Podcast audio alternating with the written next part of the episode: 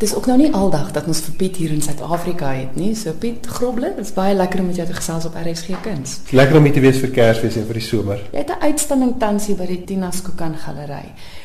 Waar kom die agtergrond vir die uitstalling vandaan? Want ek dink mense sal deurstap en dink maar wag, ek het hierdie al elders gesien. Ja. Weet jy, Tia wou graag hê dat ek 'n uitstalling moet hou hier by haar. En ek sê toe vir haar dis nie moontlik nie want ek gee 'n voltydse klas in illustrasie in Engeland by Universiteit University of Worcester. Maar toe sê sy maar wat van die koerant illustrasies want sy sien elke Sondag my ehm um, illustrasies in die tydskrif deel van die Sunday Times.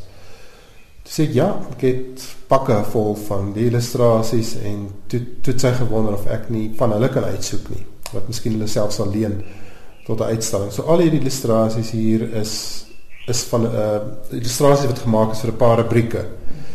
Uh the pedant class wat wat baie oulik is, ek vreeslik geniet om te lees elke week wat Sue de Groot skryf en dis oor oor die Engelse taal en oor al sy eksentrisiteite. Ehm um, en dan is daar the accidental tourist wat uh reis anekdotes, reisverhaaltjies is en Paul Ash is iemand wat dit ehm um, redigeer bymekaar bring elke week. En dan is daar so hier en daar, daar's ook paartjies uit ehm um, Isari se agterblad, Isak de Villiers en Koos van der Merwe.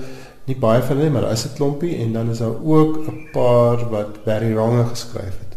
Toe hy nog 'n rubriek gehad het, Spit and Polish in die Sunday Times. So hulle is almal ehm um, as jy die Engelse term moet gebruik, want dit is 'n Engelse koerant of saaklik lifestyle editorial illustration. En tot op hede het hulle 'n hoop gestaan ergens want ek meen die oorspronklike is, is by jou is dit nou die eerste keer wat jy van hulle verkoop.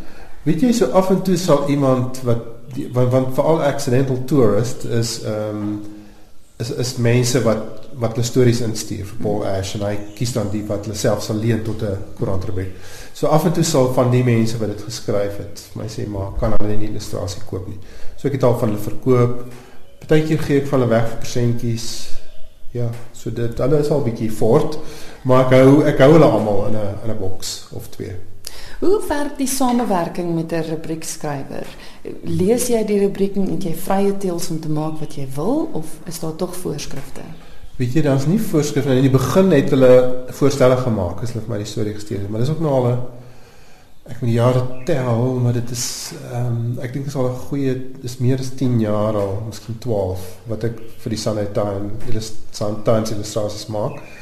En in die begin het hulle voorstelle gemaak, maar ek dink na so 3 weke toe sien hulle maar ek ek kan heeltemal goed self regkom of baie keer het ek ook self sê maar wat van dit en dan het ek 'n ander voorstel. Ehm um, dis dis is anders as prenteboeke wat nou eintlik my my passie is in die sin dat met 'n prenteboek kry jy die teks, jy tyd om dit in te studeer. En ek loop gewoonlik 'n maand of twee en dink oor die boek en hoe sal hy nou lyk en hoe moet hy lyk en waarvoor vra hy. Hierdie is baie omdat dit trikurant is, is dit baie vinnig en flink. Hmm. So ek kry die stories enige iets van donderdag tot sonderdag. Gewoonlik donderdag, vrydag se kant kry ek die stories. Iemand word dit vir my ge-e-pos en teen maandag moet die illustrasies klaar wees. So ek werk gewoonlik in 'n naweek, oor die naweek daarin. Partykeer rek ek dit so bietjie, gaan dit na Dinsdag toe. Uh dit hang maar af van hoe my program is. So dit dit moet gou gaan, maar soos jy kan sien ook hier dis dis kleiner prente. Hulle is nie komplekse reuse prente nie.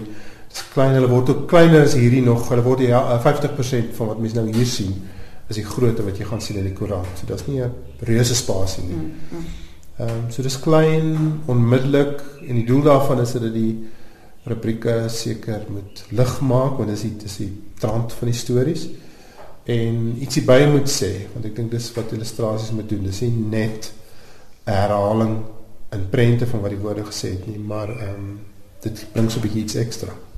Ja, dit baie, ja, dit baie pertinente styl. Ek dink mense kan jou werk op 'n afstand weet mense dit is Piet Grobler se werk.